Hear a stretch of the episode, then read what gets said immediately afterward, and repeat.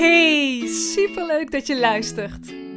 Ik ben Anne Nijnens en ik coach ondernemende vrouwen om oude patronen en overtuigingen te doorbreken. Zodat je gaat ownen wie je bent, waar je voor staat en wat je te bieden hebt. In deze podcast spreek ik met je over hoe jij jouw blokkades kunt shiften. En een diep vertrouwen in jezelf krijgt om keuzes te maken die jij wilt.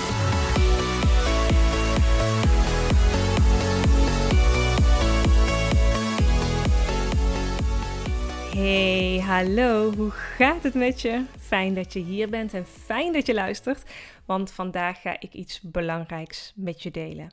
Ik ga het vandaag namelijk hebben over angst versus niet aligned zijn. Dus over het voelen van spanning, over het voelen van weerstand versus dat het gewoon een dikke vette nee is. Wat ik vaak merk namelijk bij de coaches die ik begeleid, is dat zij regelmatig zeggen van het voelt niet goed. En ik doe het alleen als het goed voelt. En begrijp me niet verkeerd, ik vind het helemaal top als jij goed naar je intuïtie kunt luisteren en als jij je helemaal je gevoel volgt. Maar vaak is het toch het ding dat het één grote mindfuck is. En dat er een deel in jou zegt dat het niet goed voelt. Terwijl het wel aligned is, maar er gewoon bijvoorbeeld angst of spanning op zit. Dus in deze aflevering ga je ontdekken wat het verschil daartussen is, tussen angst versus niet aligned zijn en hoe dat voor jou voelt en hoe je daar dus zelf ook veel beter onderscheid in maakt. Want wat er in zo'n situatie vaak gebeurt als je een, een, nieuwe stap zet, als je een stap buiten je comfortzone zet, dan één deel van je wil dat heel graag en die ziet mogelijkheden en is enthousiast. En een ander deel van je wilt je beschermen, wilt je veilig houden. En het kan dus zo zijn dat dat ene deel dat zegt van nee, nee, nee, dat moet je niet doen. En dat je wilt beschermen en je wilt veilig houden. Dat dat de leiding neemt over je leven en zeg maar de keuze bepaalt. Dus waardoor je een bepaalde stap niet neemt. En dat je dat deel jou ook nog gaat wijsmaken, zeg maar. Dat het niet de juiste keuze is. Om, omdat het je wil beschermen, omdat het je wil veilig houden. En ik wil dat je begrijpt dat er altijd een positieve intentie zit achter dit deel van jou. Ik zal straks ook nog even uitleggen waar die intentie vandaan komt, zodat je kunt zien dat er ook een positieve intentie achter zit. Maar ik wil dat je begrijpt dat het niet slecht is, dit deel van jou. Ik weet dat er mensen zijn die bijvoorbeeld met namen werken voor verschillende delen. Zelf ja, ben ik er altijd wel een beetje voorzichtig mee in mijn sessies. Um, omdat bijvoorbeeld als je het een naam gaat geven, bijvoorbeeld uh, angstige Anne, dan kan daar al een bepaald oordeel in zitten. Een oordeel dat het, dat het slecht is. Um, terwijl het dus ook een positieve intentie heeft en ook mooie kwaliteiten in zitten. Dus dat wil ik je even meegeven van kijk naar wat is de positieve intentie van dat deel van jou? Wat wil dit deel jou zeggen? Waar wil dit deel jou voor beschermen? En dat hoeft trouwens geen positieve intentie voor iemand anders te zijn. Dat is echt alleen voor jou. Dus het heeft een positieve intentie voor jou. Om even een voorbeeld te geven van mezelf. Begin dit jaar stond ik op de 74ste verdieping in Bangkok. Jesper en ik hadden namelijk besloten om naar een van de grootste gebouwen van Bangkok te gaan. Om vanuit daar zeg maar het uitzicht te bekijken over de stad. Maar dat niet alleen, want je hebt dus ook een glasplaat boven op die hoogste verdieping. Waardoor je, als je op die glasplaat staat, zo recht naar beneden kan kijken. En je begrijpt hem natuurlijk al. Ik wilde op die glasplaat gaan staan. Dus bij het boeken van de tickets kwam dat deel helemaal naar boven. Dat deel dat me wil beschermen en me wil veilig houden. Ja, de, want ik ga op een glasplaat staan boven op een van de hoogste gebouwen van Bangkok. Dus dat, dat deel dat schreeuwde tegen me. Het waren echt wel harde stemmetjes van, ja, waarom moet je dit doen? En waarom wil je dat? En uh, gevaarlijk, wat nou als er iets gebeurt daar? En uh, nou ja, ook nog allerlei andere dingen die er eigenlijk helemaal niks mee te maken hebben. Van, oh, misschien is het wel geen lekker weer en heb je geen mooi uitzicht. Of, uh, ja, het is waarschijnlijk veel te druk, dus waarom zou je daar naartoe willen? Dat, dat soort dingen allemaal. En ik merkte dus al heel snel van, dit is het beschermende deel in mij, wat nu helemaal zo aan het ratelen is in mijn hoofd. En, en dat me veilig wilt houden. Dat, dat is de positieve intentie van dat deel van me. En dit deel, dat noemen ze ook wel eens een beschermingsmechanisme of een overlevingsmechanisme. Zelf noem ik het in mijn sessies ook vaak een overlevingsdeel, omdat het echt een, een deel van je is. Maar beschermingsmechanismen of overlevingsmechanismen, die ontstaan vaak in de kindertijd. En die zorgen ervoor dat je als kind met bepaalde emoties en gebeurtenissen om kunt gaan. Dus als gevoelens niet veilig zijn, er geen aandacht wordt gegeven aan je behoeftes, of als er iets gebeurt dat heel veel impact heeft op jou als kind, dan maak je een strategie om jezelf te beschermen en de situatie voor jou veilig te maken. En dat gaat helemaal onbewust. En als kind heb je geen keuze en kan je eigenlijk niet anders, want het was voor jou de enige manier om het zo te doen, om die strategie te hebben om te kunnen overleven. Nou, en als je dus ouder wordt, dan kan zo'n overlevingsmechanisme, beschermingsmechanisme of zo'n overlevingsdeel kan echt in de weg gaan zitten zodra er in een situatie een bepaalde spanning is of een emotie wordt getriggerd, dan reageer je vanuit hetzelfde gedrag als toen je kind was. Alleen ben je nu ouder, ben je nu volwassen zelf en niet meer het kind. En ben je ook niet meer in de situatie waar je in was toen je kind was. Maar dat gedrag, dat heb je zeg maar, als, dat gaat automatisch. Dat heb je vaak zelf niet in de gaten. Maar dat zorgt ervoor dat, dat je dit gedrag dus keer op keer, dat je dat weer doet. Nou, en dan kan zo'n overlevingsmechanisme of beschermingsmechanisme of overlevingsdeel ook je heel erg in de weg gaan zitten in jouw volwassen leven. Nou, en als ik dan even weer het voorbeeld aanhaal van ik op de 74ste verdieping in Bangkok, dan kan ik heel goed linken waar die naar terug gaat. Je weet toch wel dat je vroeger op de basisschool dat je dan altijd apenkooi deed. Ik weet niet of jij dat ook deed, maar wij deden dat best wel vaak. En ik herinner me nog dat ik dan inderdaad over, vanaf kasten moest springen. En weet je wel, zo'n uh, zo'n klimrek. En dat je dan helemaal naar boven klom, zodat ze die daar niet konden pakken. En dan moest je van boven, zeg maar, helemaal zo, woep, zo naar de beneden springen. Als er toch iemand achter je kwam. En als kind heb ik dat gekoppeld aan elkaar. Heb ik die, dat gekoppeld van dat angstige gevoel. En er zit iemand achter je aan en iemand gaat je pakken. Aan dat, die hoogte. Dus aan die, dat hangen aan dat, aan dat klimrek. En die angstige gevoelens voelen.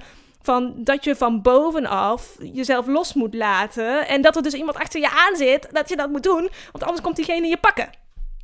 Nou, zo heb ik dus zelf heb ik hoogtevrees ontwikkeld. En dan gaat dus zeg maar helemaal terug naar die ene situatie. Maar goed, nu, nu ik een volwassen vrouw ben, gaan we niet meer apenkooien. En het is niet meer dat, diezelfde situatie natuurlijk. Maar dat gedrag, die koppeling, dat, dat doe ik nog steeds. Die koppeling heb ik nog steeds gemaakt van als er hoogte is, dan is het onveilig. En wat denk ik belangrijk voor je is om te weten, is dat, dat groei ligt altijd buiten je comfortzone. En ik, ik merk vaak dus dat het ook een beetje een misvatting is. Dat, dat um, iets altijd goed moet voelen en positief moet voelen. Terwijl ik zelf dus de ervaring heb dat dat echte groei buiten je comfortzone ligt. En, en dat ik daar spanning bij voel. Dat dat oncomfortabel voelt, dat, het, dat ik een beetje een terugtrekkende beweging voel. Maar dat het niet betekent dat ik niet aligned ben. Het betekent gewoon dat ik, dat ik spanning voel of dat ik angstig gedrag vertoon. Maar dat merk ik dus ook vaak bij coaches, dat er vaak dan het label aan wordt gehangen van dat is slecht. Want ik moet me positief en ik moet me goed voelen en, en niet spanning. Dus zeg maar, ik mag die spanning niet voelen. Terwijl ja, ik zelf echt heel erg de ervaring heb dat, dat juist die spanning zeg maar een teken is van wow, ik, ik ga weer groeien en ik ga buiten mijn comfortzone.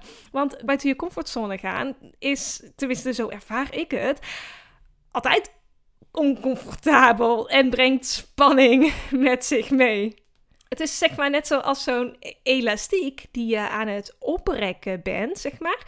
En steeds uh, rek je hem, steeds een beetje meer op. Dus zo is het ook met uit je comfortzone gaan. Steeds uh, rekt die elastiek zich meer op. Steeds ja, zet jij weer een stapje naar buiten.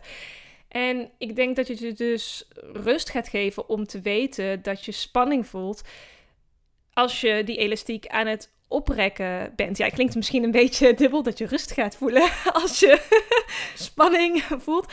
Maar dat je weet dat het oké is om die spanning te voelen of angstig gedrag te vertonen. Want wat ik vaak merk, dat het eigenlijk zeg maar, net een stukje erger maakt, is dat er een bepaald oordeel zit op die gevoelens, op die spanning.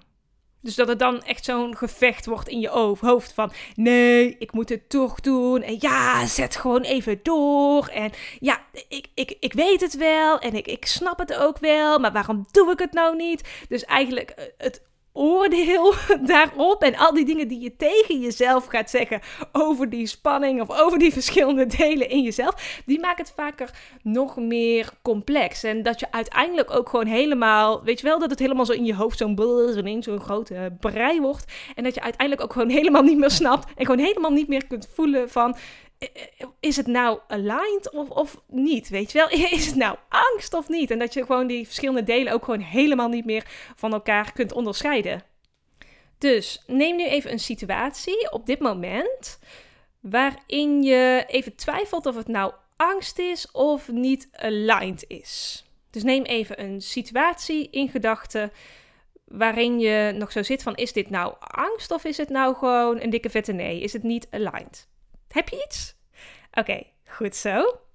Ga dan nu terug. Maak even een, een sprong terug. Focus je op een ander moment waarin je angst of spanning ervaarde, maar het toch deed. Dus ga nu terug naar een moment waarin je angst en spanning ervaarde, maar het toch deed. Even helemaal terug naar dat moment. Oké, zit je in dat moment? Ben je die, in die ervaring?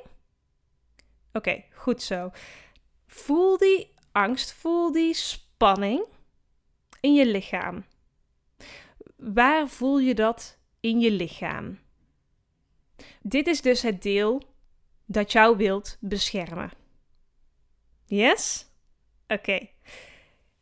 Ga nu terug naar een ander moment waarin je niet aligned was. En je ook echt voelde: nee, dit is gewoon een nee. Dit is, dit is hem niet. Dus ga even helemaal terug. Helemaal terug naar een ander moment waarin het niet aligned voelde. En je ook die keuze maakte en je ook wist van nee. Nee, dit is een nee. En waar in je lichaam voel je dat? Heel goed. Heel goed. Je doet het super. Oké. Ga nu terug naar de situatie die je helemaal aan het begin had, waarin je nog twijfelde of het nou angst was of spanning was of dat het niet aligned is. Dus focus je nu op die situatie waarin je twijfelt van is dit angst of is het gewoon niet aligned. En voel nu, is dit spanning is dit angst? Is dit uit je comfortzone gaan? Of is het niet aligned? Is het een dikke, vette nee? Heel goed. En als het spanning is, weet dan dat je het al een keer hebt gedaan. Want je bent er net al teruggegaan naar een moment waarin je ook die spanning voelde, ook die angstige gevoelens voelde, maar het toch deed. En ik vraag me af hoe je die ervaring van toen kunt gebruiken in de situatie van nu. Wat kun je leren van die situatie waarin je het al gedaan hebt, waarin je ook angstige gevoelens voelde, waarin je spanning voelde, maar het toch deed? Wat kun je daarvan leren? Wat kun je daaruit meenemen? In waar je nu staat. Het voelen van die angstige gevoelens en die spanning en het dan toch doen, dat geeft vertrouwen. Daardoor bouw je een nieuwe identiteit op. Daardoor zeg je tegen jezelf: Ik kan dit wel. Toen ik daarboven op die 74ste verdieping stond, scheet ik in mijn broek. Ik was bang. Ik voelde spanning over heel mijn lichaam. Ik was aan het zweten. Maar ik trok van die hoesjes aan. Die deed ik over mijn schoenen zodat je niet zou uh, slippen op die uh, glazen plaat. En ik zette die stap. Ik deed het. Ik bewoog me op de glazen plaat, terwijl ik daardoorheen helemaal naar beneden kon kijken. 74 verdiepingen naar beneden. En weet je wat het me gaf? Het gaf me vertrouwen. Ik voelde me onoverwinnelijk. Ik, die nog niet eens vroeger op de duikplank durfde te staan. Ik, die op vakanties liever niet in een toren ging of naar een uitzichtpunt ging, stond nu op die glasplaat. 74 verdiepingen hoog. En door dat te doen, kreeg ik nog meer vertrouwen in mezelf. Niet alleen dat ik alle volgende keren ook weer op een glazen plaat zou kunnen staan, maar ook dat ik andere angsten zou kunnen overwinnen. Dat ik het in me had om dit te kunnen doen op alle gebieden in mijn leven. Want als ik dit kan, dan kan ik alles. Dus ik heb daar Zelfs op die glazen plaat, er was nog zo'n soort van bankje eromheen, of erin eigenlijk, waar je op kon zitten, heb ik zelfs nog 15 minuten lang opgezeten. Dus het was niet alleen maar zo van woep, erop en er weer af. Nee, ik heb daar echt mijn identiteit geshift. Op die glazen plaat en op dat bankje 15 minuten lang mezelf constant geknepen van dit is echt, dit is de persoon die ik ben. Ik ben die persoon die ondanks angstige gevoelens en spanning het wel doet. Ik ben die persoon die uit haar comfortzone gaat en groeit. Ik ben die persoon die die elastiek elke keer weer een beetje oprekt. Ik ben die persoon die alles kan. Ik ben die persoon die alles kan bereiken wat ze wilt. Ik ben benieuwd wat jij bij jezelf hebt geshift door het luisteren naar deze aflevering. Welke nieuwe inzichten je hebt gekregen over angst en het voelen van spanning versus niet aligned zijn. Laat het me weten. Ik hoor het heel graag van je. Je kunt me gewoon een berichtje sturen op Instagram, Anne Nijnens. En dan hoor ik heel graag van jou wat voor een positieve invloed deze aflevering heeft op jou. En weet, voor al die keren die nog komen gaan, waarin je angstige gevoelens ervaart of spanning ervaart, weet dat groei buiten je comfortzone ligt.